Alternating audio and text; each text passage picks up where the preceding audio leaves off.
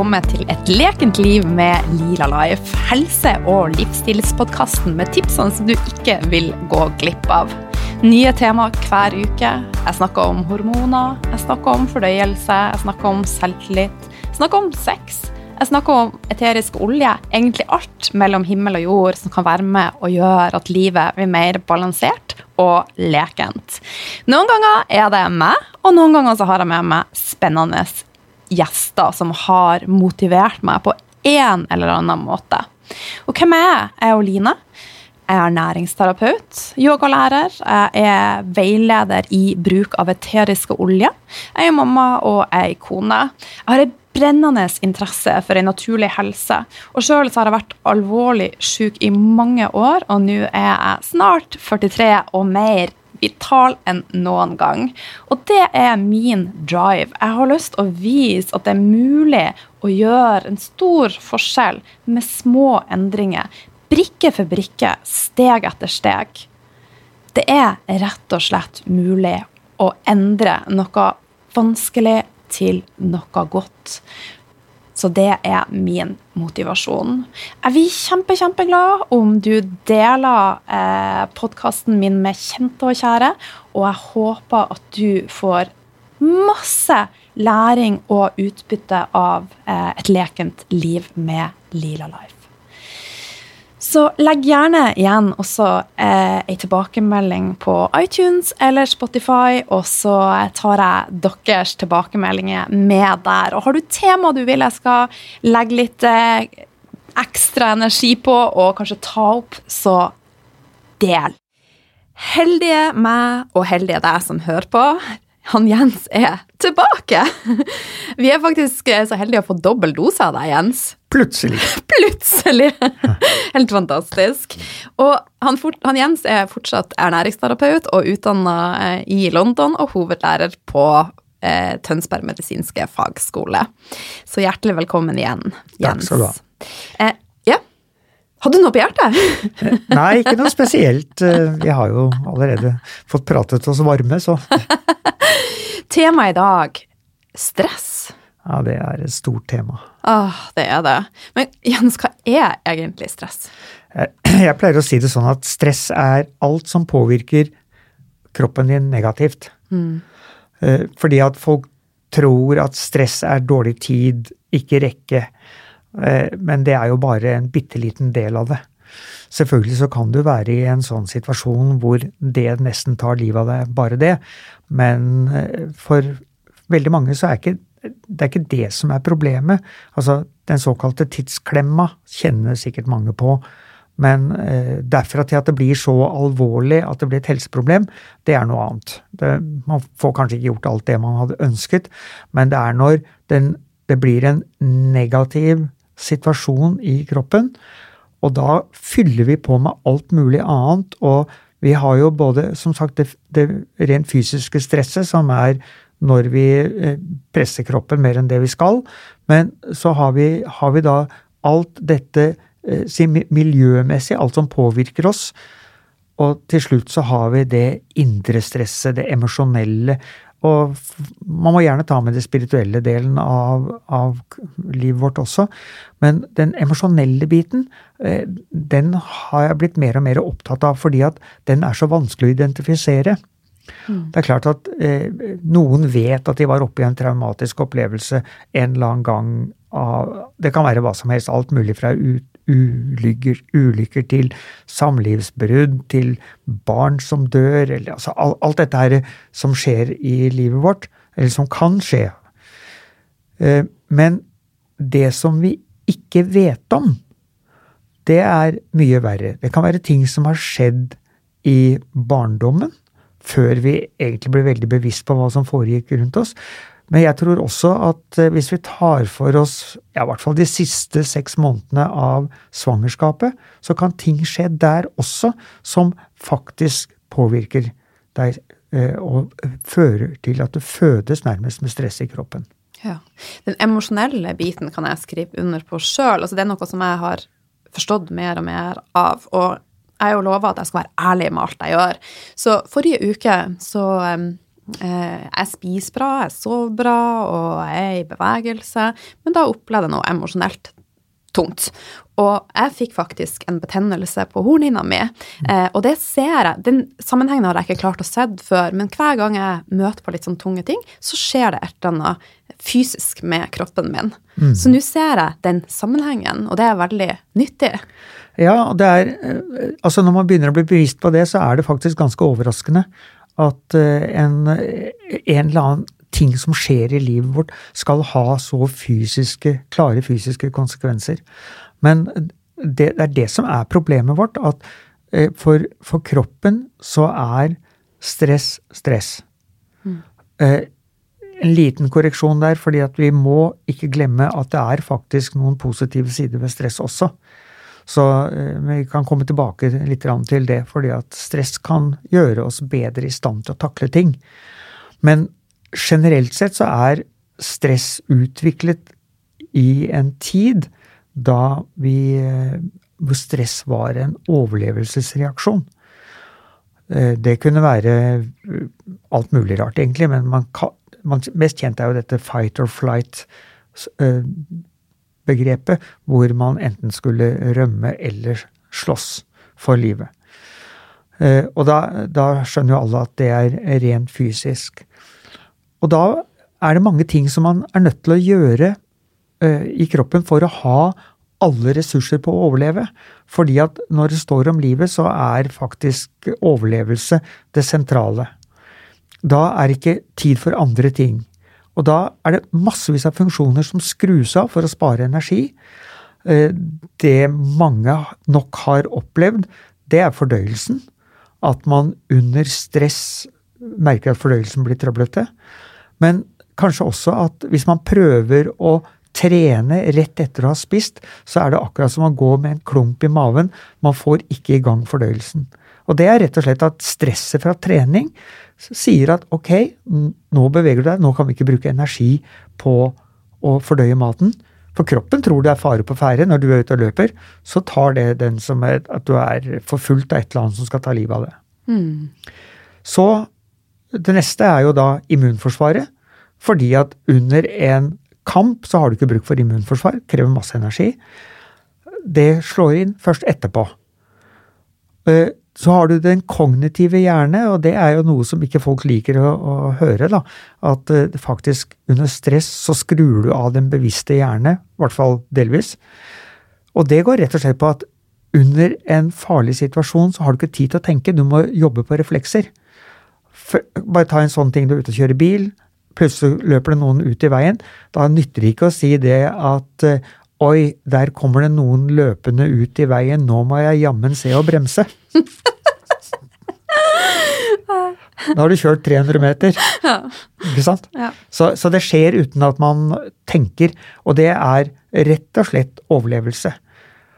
Og da kan man skjønne at hvis man kontinuerlig går under stress, så er kroppen mer utsatt for mange ting. Og eh, jeg så nylig i en, eh, en, artikkel som var skrevet på den amerikanske psykologforeningen, hvordan man der peker på at stress fører til, ofte til infeksjoner. Akkurat som dette som du beskriver at du har opplevd. Mm. Det med mat og stress. Altså, veldig mange spiser jo on the go. Eh, det er kanskje mye stress rundt måltidene. Og der har jeg òg merka en stor endring med at jeg legger bort telefonen, altså jeg kobler ut alt annet, og faktisk setter meg ned og puster litt før jeg spiser. For jeg kan merke For det som skjer, alt det du har beskrevet nå, det, det heter at vi er den sympatiske delen av nervesystemet. Mm. Så med å faktisk bruke to minutter på å puste, så klarer jeg å få kroppen min ned, sånn at han ikke er i den fight or flight-modusen. Og da merker jeg at forbrenninga mi og fordøyelsen fungerer veldig mye bedre, og jeg nyter måltidet på en annen måte. Ja, jeg tror at den helsemessige effekten av det du har spist, er da i en annen verden enn om du er stresset under maten. Eh, jeg pleier å bare si det ganske enkelt, jeg. Når du spiser, gjør bare det. Mm. Du har så mange fine gullkorn. Ja, det er vel kanskje å dra det noe langt å kalle det gullkorn, men det er i hvert fall noen regler som det kan være greit å huske på. Ja. Men for de som hører på nå, vi kan eh, si at det er tre typer stress. Vi har det fysiske, som du sa, det kjemiske, det emosjonelle. Og det fysiske går på mer traumer, skader, ulykker, smerter, fall. Det er jo ikke alt man kan eh, håndtere det, men noe av det kan man jo håndtere sjøl, ikke sant? Jo, men alt det som skjer, altså ulykkesstress, mm. Eh, det er jo en kortvarig belastning som vi Ja. er veldig godt uh, ut, utrustet for å takle. Ja. Det er det kontinuerlige stresset som vi ikke er bygget for. Ja. Og det går mest under kanskje den kjemiske delen. Det har jo med maten vi spiser, om vi har et stabilt blodsukker, giftstoffer vi utsetter systemet vårt for. Og det emosjonelle kan vi i stor grad også eh, påvirke sjøl, da. Men, men det jeg ser, er at hvis vi klarer å balansere eh, et par av disse, så vil det påvirke Altså det blir en sånn positiv effekt. Ja, jeg, tro, jeg tror faktisk at uh, det stedet jeg ville puttet fokus først, er på det emosjonelle. Ja. Fordi det har sånn voldsomt stor kraft. Mm. Og, og det vi Vi er jo verdensmestere i bekymringer. Eh, og for alle som, som ikke har hørt det, så må man bare høre dette foredraget til Ingvar Wilhelmsen. Ingvar Wilhelmsen. Ja, han er tidligere professor eh, ved Universitetet i Bergen, og drev det som ble kalt hypokonderklinikken. Å, jeg her hørt det! Ja, og han er helt fantastisk. Og da får du noen aha-opplevelser, i tillegg til at uh, du gjør noe av det mest avstressende som fins, nemlig å le. Ja. Så det er, nei, jeg, Han var på Sundvolden på kongressen vår et år og hadde to timers foredrag, og etter første time hadde jeg vondt i maven etter å ha ledd så mye. Han var så utrolig på poenget, altså. Hva, hva, hvor dumme vi er når det gjelder ting som skjer rundt oss. Så, så eh, dette med bekymringer de fle, Som han sier, de fleste bekymringer blir aldri noe av. Så hvis du tenker tilbake på hva du bekymret deg for i fjor, og hvor mye av det som ble noe av, så ser du at nesten ingenting. Og som han sier også, når en bekymring blir noe av, så kaller vi det et problem. Og når vi får et problem, så løser vi det. Mm. Så det er stort sett alltid en løsning. Ja, altså vi må jo finne en løsning på et problem. Ja. Og, og det, vil, det vil si at vent nå til problemet dukker opp, Ja. og så bruker du energien på det da. Så, men jeg, må jo bare si det, det er lettere sagt enn gjort. Så det er noe man må trene på. Ja. Og jeg er også, også veldig opptatt av at man skal trene på å eh, si, ja, Vurderingen av det som skjer rundt deg. Mesteparten av det som skjer rundt deg, kan du ikke gjøre noe med. Altså så er ikke det noe å engasjere seg i.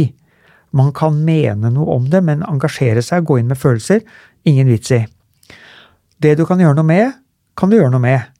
Men det du faktisk kan gjøre veldig mye med, det er hvordan, øh, hvordan oppfører du deg når noe hender deg. For eksempel, ta et eksempel som sikkert mange kjenner seg igjen i. Du er ute og kjører bil. Eh, Du har dårlig tid, for det har vi jo alltid. Eh, Og så skjer det et eller annet i trafikken, og så blir det stående i kø, eller det er rødt lys, eller det er noen som har blokkert veien. Altså et eller annet som skjer. Og så flyr vi i taket. Ikke sant? Vi sitter der og rister fordi vi vet at vi skulle ha vært et sted om ti minutter, og vi rekker ikke det. Det er i hvert fall minst en halvtime til jeg er der, i hvert fall med denne farten her sånn. Og så sitter vi og koker i bilen med ting vi ikke kan gjøre noe med. Samme situasjon. Men nå er du på søndagstur. Du er ute og kjører en tur, for det er morsomt å se deg litt om. Nå er jo det da litt fy-fy, men du har elbil, selvfølgelig. Så, eh, og da er det jo greit. Og så kommer du til akkurat samme situasjon, og så setter du ned Ja, ja, vi får se hvor lang tid det tar. Men det er akkurat den samme situasjonen.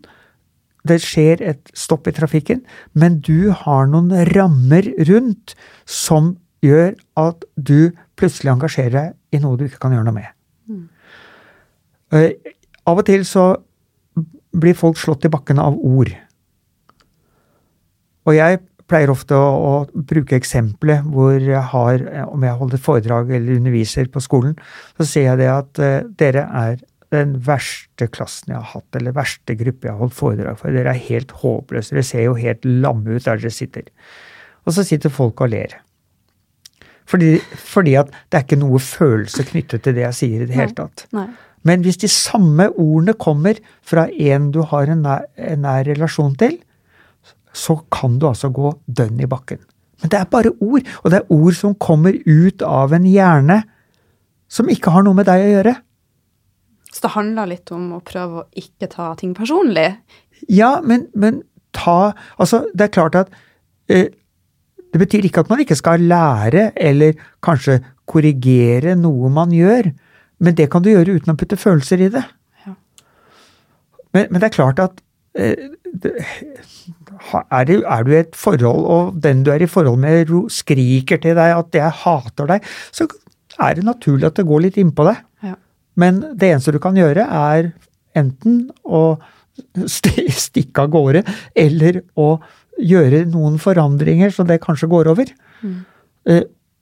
Men, men, som sagt, det, jeg sier ikke at dette er lett. Men hvis vi ikke er bevisst på denne muligheten til å vurdere om dette er noe jeg skal bruke følelser på eller ikke, så klarer man det ikke. Og jeg jobber eh, med trafikken. Fordi at jeg kan nok trekkes litt opp av ting som skjer i trafikken som jo er helt fullstendig meningsløst. Men det er, ikke sant, det er jo det. Jeg kan jo ikke gjøre noe med hvordan folk, folk kjører. Nei. At jeg syns de er noen idioter.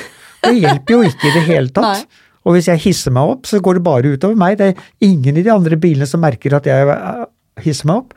Så det er, men, men, dette er jo bare ett sånt eh, enkelt eksempel. Det er akkurat samme som hvis, hvis, du er på flyplassen og flyet blir forsinket, og du kjefter på de som sitter i skranken. Mm. Det er nyttig. Det er ikke det. For det er de som holder igjen flyet, ikke sant? jeg opplevde jo det i går. Flyet mitt eh, Det var ja sol i Bodø for en gangs skyld. Det var wow. varmt i Bodø for en gangs skyld. Det var vindstille i Bodø for en gangs skyld. Så da kom ikke flyet opp? Eh, det som var, jeg for på flyplassen, skulle hit. Så var det så dårlig vær her i Oslo at flyet fra Oslo faktisk ikke kom seg til Bodø. Men da hadde jeg et, hadde et valg. Så jeg var litt irritert i et sekund, men så valgte jeg å tenke hm, positivt. Da får jeg svare på alle mailene mine, får svare på alle ting som jeg ikke har fått gjort i løpet av uka, istedenfor å la det gå utover meg sjøl og andre. Ja, det er, dette er akkurat det poenget som jeg prøver å få frem. Ja. At eh, vi har faktisk et valg når noe skjer oss. Og eh, det er, men det, er, det, krever trening, og det krever bevissthet rundt det. Ja. Fordi at eh, du skal nok holde på med det en periode før du begynner å reagere spontant på denne måten som er best for deg. Og det er jo interessant at det skal være så vanskelig å gjøre det som er best for deg. Eh, en annen ting som, som jeg har faktisk blitt veldig flink på, det er å sørge for at jeg har god tid. Mm. Jeg er forholdsvis nazi på tid. Jeg er, er veldig presis. Men tidligere så var jeg akkurat presis. Det kunne dreie seg om sånn kanskje fem sekunder før. Og så fant jeg ut at det gir ofte et stresselement på turen frem, hvor jeg har beregnet hvor lang tid det skal ta. Det er altså ikke veldig klar for uforutsette hendelser underveis. Så nå har jeg alltid veldig god tid. Og som, som du sier, jeg, hvis jeg må vente noe, så har jeg alltid med noe jeg kan gjøre. Ja. Eh, jeg kan lese litt, jeg har alltid med en iPad jeg kan titte på, jeg har telefonen som kan svare på mail. Altså det er mange ting du kan gjøre hvis du på livet det må gjøre noe. Det er ikke sikkert man må det heller. Men man kan rett og slett sette seg ned og slappe av. Og se på folk! Noen sier at det er kjedelig på flyplasser. Det er jo helt tullete.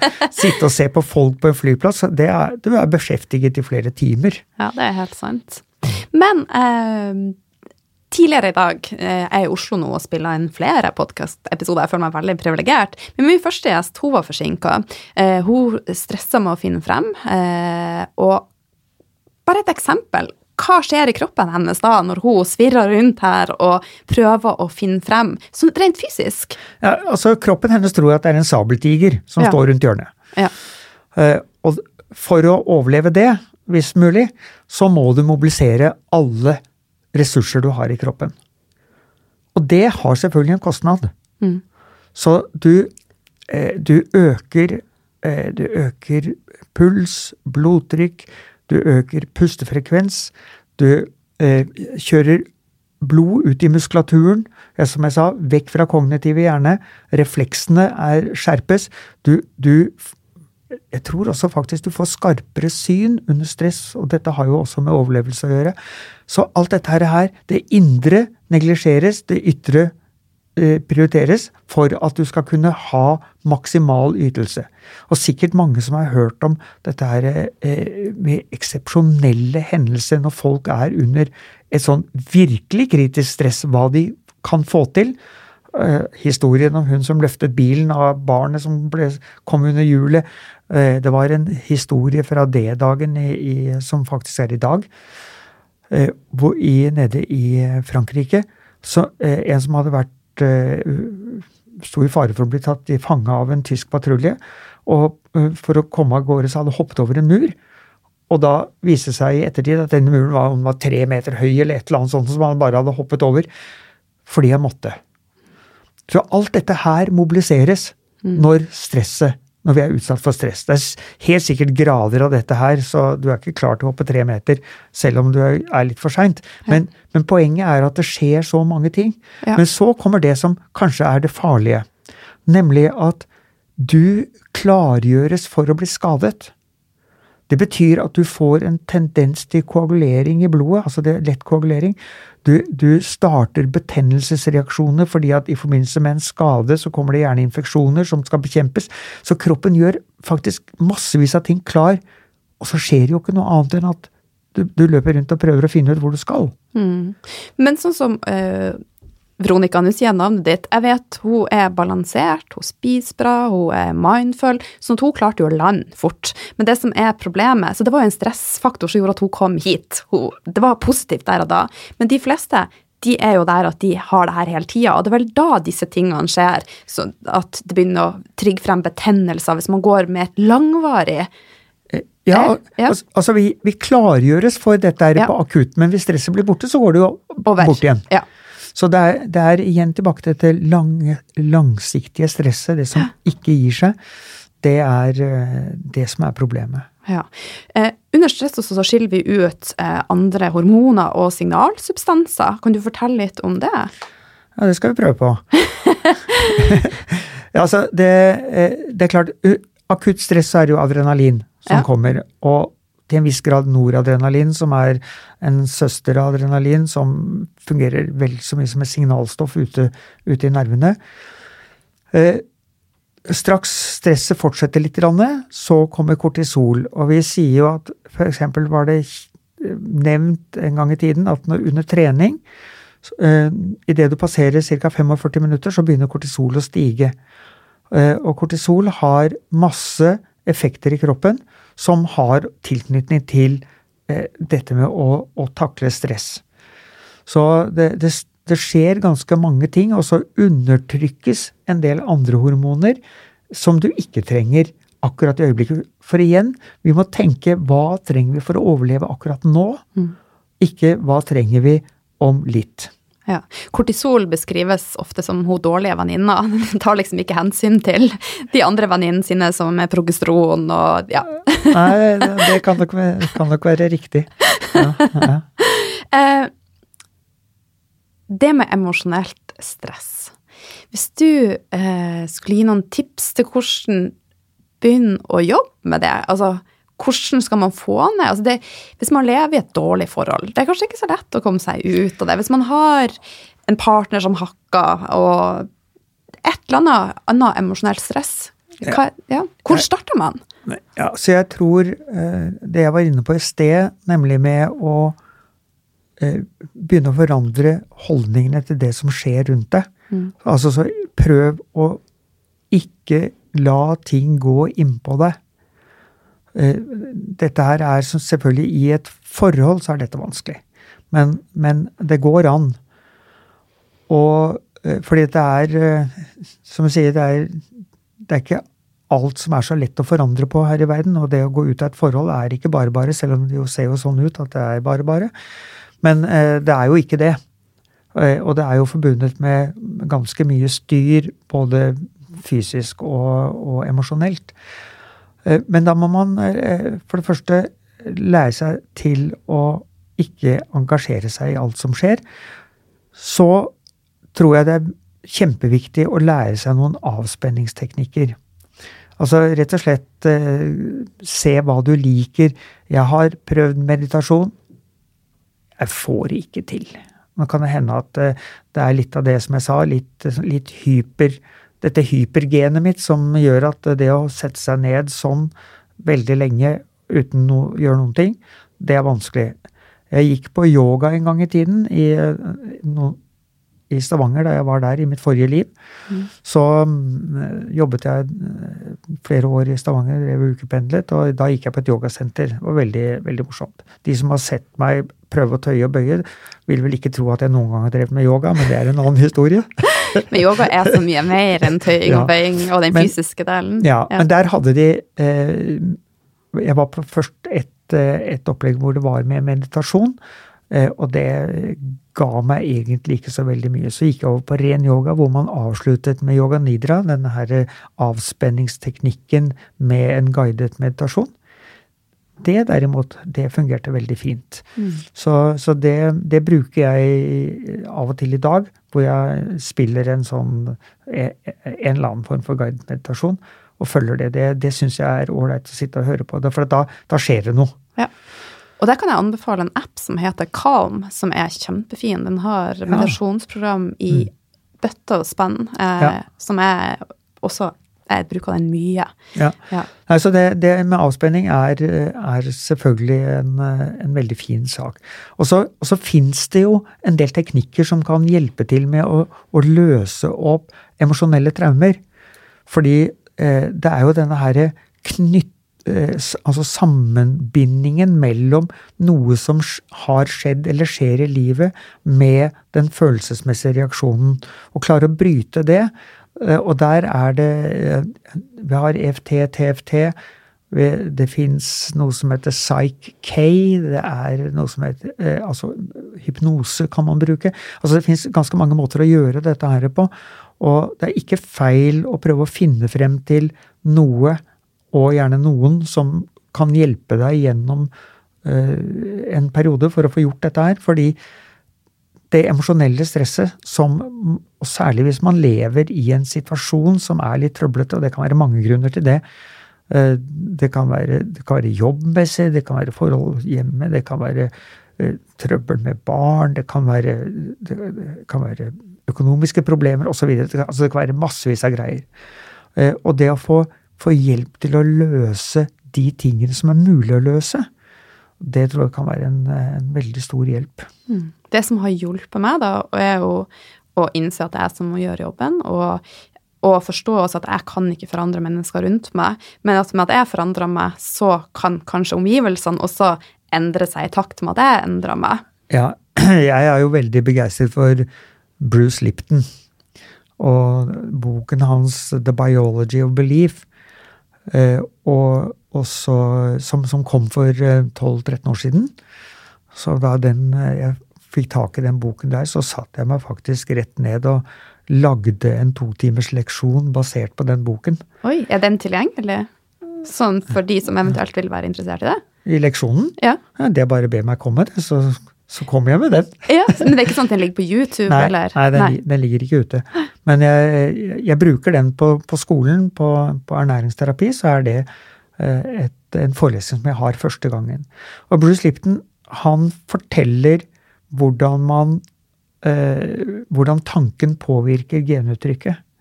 Og genuttrykket vårt, det er jo det som bestemmer vår atferd. Og, og det, er, eh, det, er, ganske fascinerende med hvordan vi ved å forandre oss selv gjør at omgivelsene forandrer seg. Og, og dette her er eh, litt vanskelig for folk som aldri har prøvd å tenke seg at det skal skje. Men, men du kan jo bare tenke følgende eksempel. Du kommer inn i en butikk, og der står det en sur, gretten gubbe bak disken. Og du går aldri tilbake i butikken, og kanskje han til og med har klart å ødelegge den dagen. Mens hvis det står et smilende menneske som bare stråler og vil hjelpe deg, så kan det redde en dag som så litt rufsete ut. Mm. Så holdningen til personen påvirker de som er rundt. Eh, og vi har en annen person som jeg også har blitt veldig glad i, som heter Joe Dispenza. Mm. 'Breaking the Habit of Being Yourself' har han et foredrag som heter, og en bok som heter. Og, og, og det går på, på et han har, han har, et veldig fint uttrykk der som heter Your, re, uh, your personality creates your personal reality. Mm. Sånn at den verden du lever i, er den du selv har skapt i hodet. Og så sier folk ja, men jeg vil ikke ha det sånn som jeg har det. Nei, det kan godt være, men du, da må du gå og se når har dine holdninger blitt plassert i hodet? Og holdningene dine er blitt plassert i hodet de første, hovedsakelig de første syv årene av livet, og kanskje litt de nærmeste årene der. Men så kommer det til det som jeg var inne på litt også. Hva skjedde under svangerskapet? Og det er det faktisk nå ganske mange som er, eh, er interessert i. Og jeg har hørt om tilfeller nå hvor barn eh, fødes så fulle av stress at de har en fordøyelse som ikke virker. Kan du tenke deg en to måneder med reflukssyndrom? Det er jo katastrofe. Ja, og det er jo he helt unaturlig. Mm. Så, sånn at det er alt det som skjer som vi tar inn, mm. og, og Bruce Lipton kaller oss jo en, en båndopptaker som står på record, opptak, fra de siste periodene av svangerskapet og til vi er syv år, så bare laster vi inn alt som skjer rundt oss, og dette blir de mønstrene vi lever med mm. resten av livet. Mm. Jeg hørte faktisk akkurat et webinar med han Joe Dispenza, det han heter. Ja. Eh, og der eh, kom han med en øvelse på det du har pratet om nå, og det gikk på det å Faktisk en form for meditasjon, å sette seg ned og forestille deg hvem du vil være, og hvordan du vil mm. leve, og faktisk øve på det hver eneste dag. Ja. Og bare sitte og kjenne på den følelsen å være der du ønsker å være. Ja, han, han har jo en helt fascinerende historie. Uh, han er kiropraktor. Han var I slutten av 20-årene så var han med på et sykkelløp. Eller om det var en triatlon, spiller ingen rolle, men han var i hvert fall på sykkel. Så ble han overkjørt av en sånn stor amerikansk eh, truck. Mm. Uh, og fikk knust tre virvler i ryggen. Eh, på sykehuset sa de at du hadde to alternativer. Det var enten aldri gå igjen, eller å sette inn en eh, støttestang gjennom ryggsøylen, som jo er naturlig nok en nokså eh, klønete prosedyre, og som fører veldig mye rart med seg. Og han hadde da sagt at nei, det, han ville ingen av delene. Og så lå han fikk han ligge hos en venn som bodde i nærheten. Og der lå han i, i, to måneder, om det var to eller tre måneder, og mediterte på reparasjon av de ryggvirvlene. Og i dag så er to av dem bra, og én er nesten bra. Mm. Og dette her er da 30 år siden eller noe sånt nå. Ja. Han fungerer jo i hvert fall veldig bra. Og en annen ting han sa, endre energien din, endre livet ditt. Ja. Og det er vi som må gjøre jobben, den innvendige jobben. Ja. Ja da. Nei, har, han har også skrevet en bok som heter You Are The Placebo. Ja. Hvor han forteller annet om og Dette er helt fascinerende. Eh, det var i Italia, så hadde man tatt en gruppe med eldre herrer inn på et kloster. Så hadde man innredet en del av dette klosteret med alt utstyret Eh, absolutt, absolutt alt inni i det, den delen de var, var med ting som var 25 år gammelt. Så det var aviser, bilder, alle møblene var Altså alt var tilbake der det var. I løpet av ganske kort tid, vi snakker om uker, så skjedde det målbare forandringer og foryngelser hos disse menneskene som var i det miljøet. Og eh, han forteller der at eh, enkelte som kom inn med krykker, kunne legge krykkene til side og gå uten støtte. Altså, det skjedde helt og, og, dette var rent fysisk målbare ting. Og han selv har jo brukt de siste, i hvert fall de siste 20 årene på å reise rundt og hjelpe folk til å endre personlighet, som vil endre deres eh, livsrealitet. Og, og, hvor han sier at eh, sykdommen du hadde er knyttet til personligheten din, så hvis du endrer personlighet, så kan du ikke ha sykdommen lenger. Mm. Nå høres dette her veldig rart og Litt sånn science fiction-aktig ut? Ja, men han har nå holdt på med dette her i 20 år, og ja. historiene etter hvert er ganske mange ja. og, om de som har fått hjelp av ham. Mm. Men for de som lurer på hva han er, så anbefales absolutt å høre på ham. Han har masse, ligger på YouTube også. Mm. Mm. Veldig spennende. Mm. Men da, hvis man er i gang med denne prosessen, gjør disse endringene, klarer å komme seg dit man vil, men likevel så er man ulykkelig der man er, og familieforholdene Kanskje det er mor som du bare har et elendig forhold til. Så må man kanskje ta et valg, da. Kanskje man må bryte ut? Ja, jeg har faktisk anbefalt, eh, eller ikke anbefalt, det kan man jo ikke gjøre, men jeg har sagt at det er et uh, veldig aktuelt alternativ. Mm. Og jeg har faktisk sett tilfelle av en uh, voksen dame som fikk kreft og døde. Og sannsynligvis av mobbing fra en gal mor. Ja. Men hun klarte ikke å bryte. Hun visste at hun måtte, men hun klarte ikke å bryte. Og det er jo ikke så lett å nei, bryte klart, familiebånd og Nei, det nei. er veldig vanskelig. Mm. Uh, men det er, det er altså Dette går begge veier. Det er faktisk barn som mobber sine foreldre, på samme måte som det er foreldre som mobber sine barn etter at de er voksne. Og, og det der er eh, ganske ille. Så det beste rådet man kan gi til alle som har barn, det er la dem få lov til å leve livet sitt etter at de har blitt voksne. Og etter at de er en 13-14 år, så er det ikke stort mye du kan, mer du kan lære dem Nei. enn det de lærer på egne erfaringer. Men som foreldre så kan man jo sette grenser og være gode rollefigurer. Det er jo det vi må være. Ja. Det er det vi må være. Mm. Nå har vi prata veldig mye om det emosjonelle, og det syns jeg var helt på sin plass eh, og veldig spennende.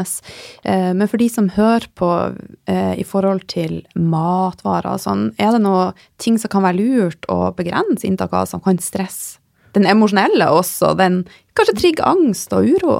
Ja, altså for det første blodsukkerubalanser er en veldig sentral ting. Så det å spise blodsukkerstabil, som vi har snakket en del om tidligere også, det med å finne sin toleranse for karbohydrater og holde seg unna sukker. Sukker og, eh, en, eh, sukker og stress er ingen god kombinasjon. Eh, det er jo ofte der vi går, til stimulantene med sukker, kaffe, sjokolade, te, alkohol, røyk. Mm. Altså alt dette her er ting som vi griper til, som faktisk gjør situasjonen verre. Vi kan føle en, eh, et velbehag i øyeblikket, men du får en regning etterpå fra kroppen. Ja. Hm. Så når det gjelder mat, så er det det å spise så stabilt som mulig. Eh, dette her at du kjenner at du har jevn energi gjennom dagen, at du har jevn konsentrasjon gjennom dagen, det er to nøkkelord for oss på skolen. Det er det som er målet når vi har en pasient inne, at de skal kunne, eh, kunne sitte og være konsentrert gjennom hele dagen. Ikke være sulten og måtte spise hele tiden. Dette, dette her med å putte noe i munnen kontinuerlig ser ut til å ha blitt en, nærmest en folkesykdom. Og Hvis du går ute på gaten her i Oslo, så ser du at så utrolig mange mennesker går og spiser et eller annet. Ja. Og, og det, det, skal ikke være nødvendig Nei. Eh, å gjøre det. Og det er eh, og, og dette å spise er jo også en situasjon som krever, som vi snakket om i sted, det krever ro, og det krever at, at vi er konsentrert om det og lar kroppen få lov til å fordøye maten i fred og ro. Ja. Så det å faktisk forbrenne kan jo være stress hvis man driver og putter på hele tida. Et sånn klassisk eksempel, vi snakka om det litt i sted når jeg studerte ernæringsterapi. Jeg satt jo konstant og putta noe i meg. Ja. ja. Konstant. ja, da, jeg har sett det mange ganger. Det pleier å gå over når de begynner å få litt mer kontroll på systemet. Ja. Men, eh, men, det er, det er eh, jeg, jeg, har sett det Jeg hadde en, eh, en pasient for mange år siden som, som ikke kunne gå ut uten å ha mat i veska. Ja. Fordi at når hun trengte mat, så hadde hun ca. 30 sekunder på seg før hun begynte å ha ordentlig trøbbel. Og etter en måned så var det problemet borte. Så fantastisk. Ja, så, og, og, dette her eh, med at vi skal spise hele tiden, lite ofte osv., det er altså ikke gunstig. og Det har også sammenheng med, med renselsesprosesser som foregår i fordøyelsen når det ikke er mat der. Ja.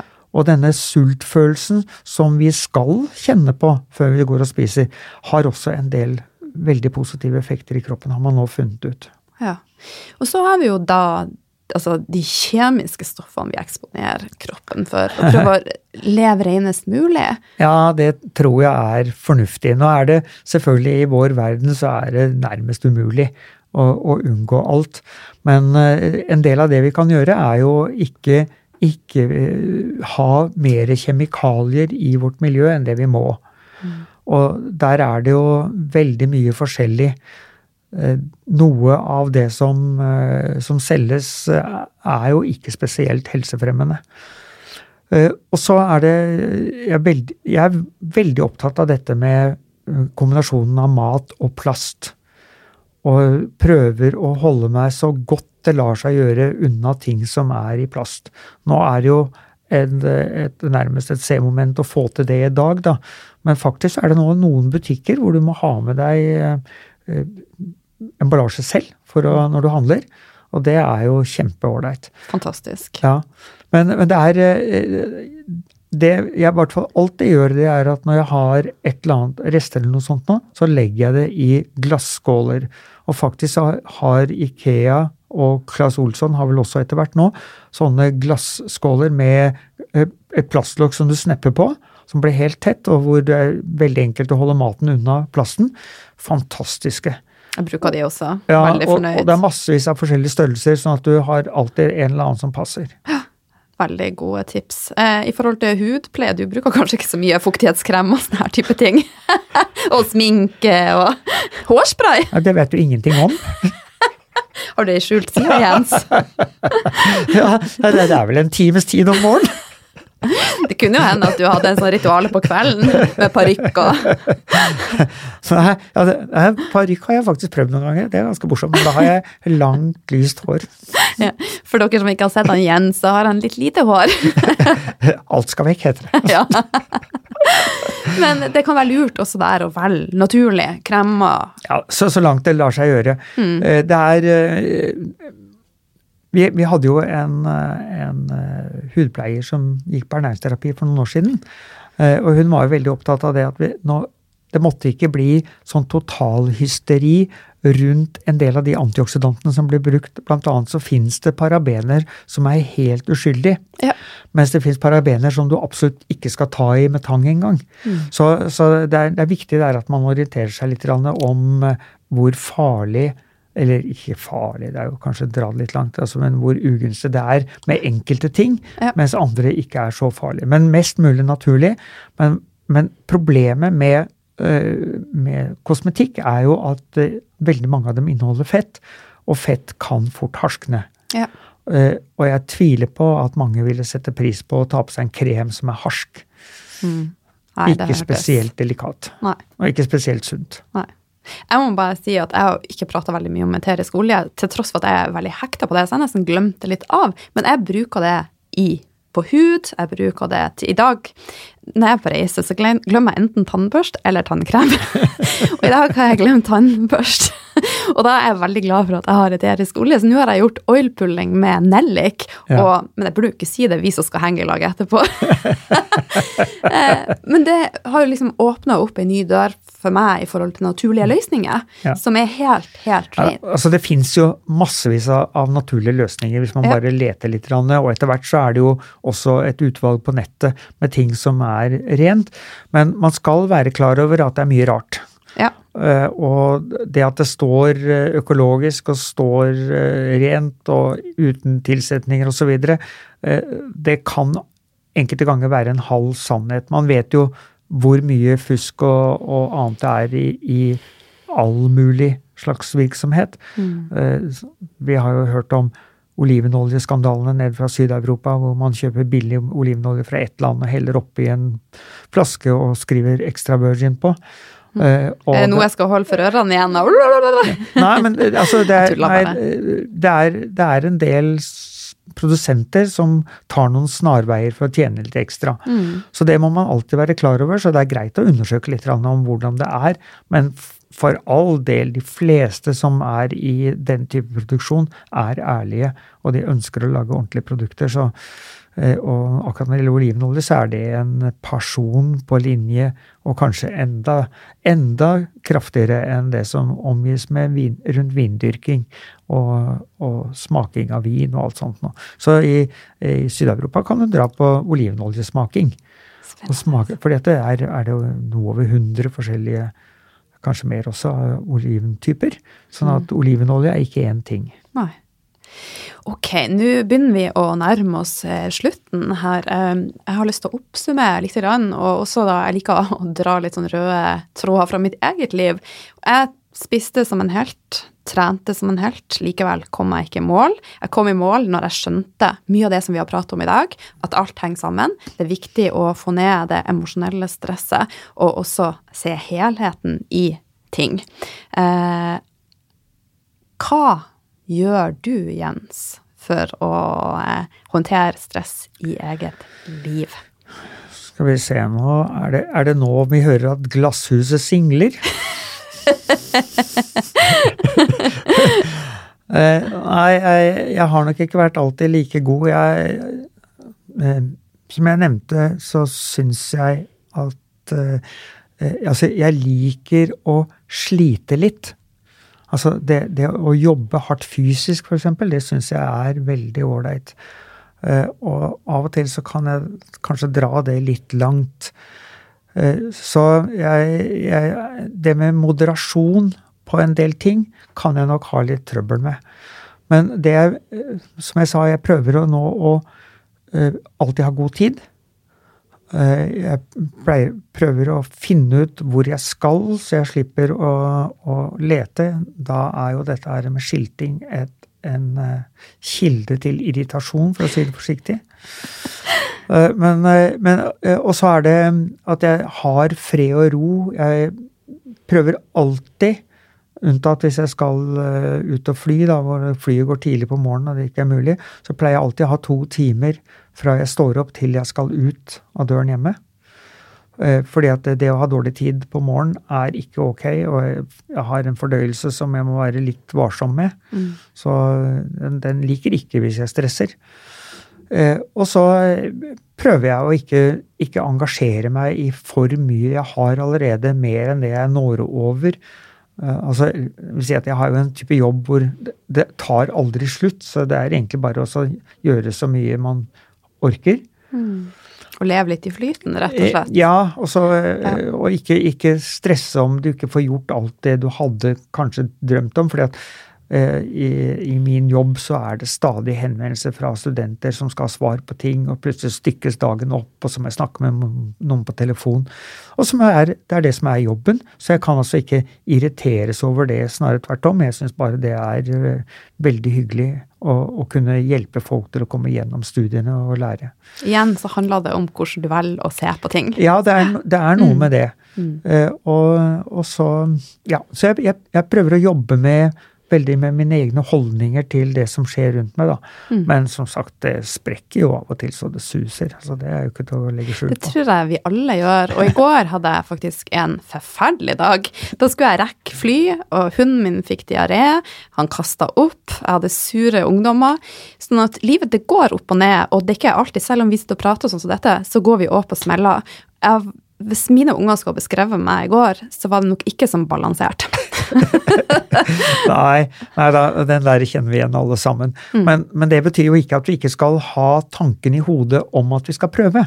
Nei. Og det, det, er den tanken jeg syns det er kjempeviktig at de som hører på her nå, begynner å ta inn over seg. Mm. At du må begynne å jobbe med dette på, på, tanke, på tankeplan, mm. eh, sånn at du kan begynne å bli oppmerksom på de tingene du gjør som ikke er til din fordel. Ja. For det er jo det som alt dreier seg om. Hvis vi klarer å kutte ned på det som bryter oss selv ned, som jo er en helt meningsløs situasjon, for det er mer enn nok med å takle det andre prøver å bryte oss ned med, så, så, er det, så, er vi kommet et godt stykke på vei. Ja. Og så det neste er jo da å ikke, ikke gå inn med følelser i alt som man ikke kan gjøre noe med. Mm.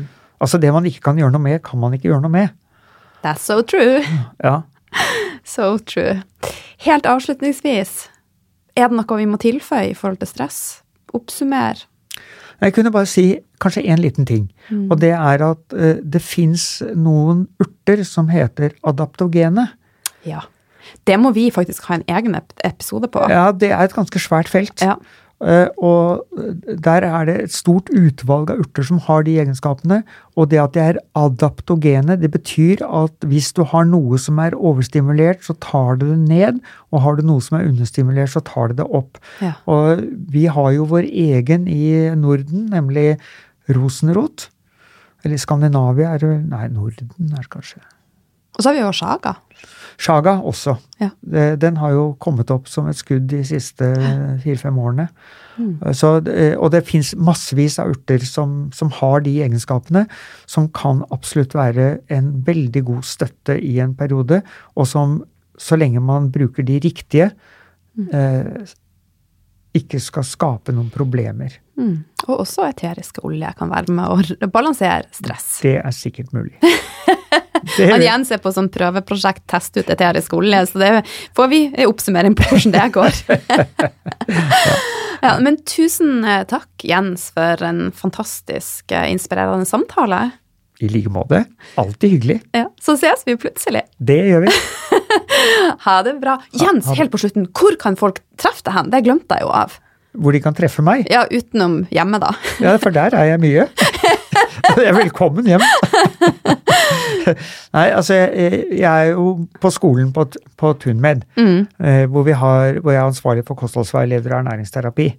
Eh, Og der er det mulig å treffe meg. Ellers så har jeg jo eh, mailen min som er jens at nutriterapi. Ja.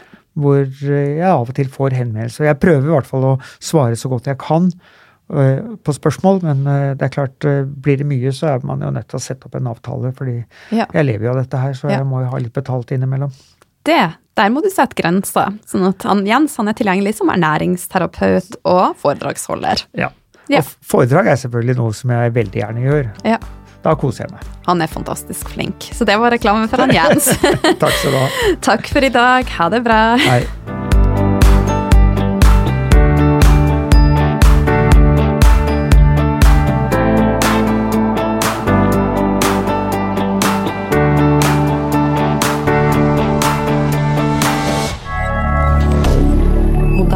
Inter.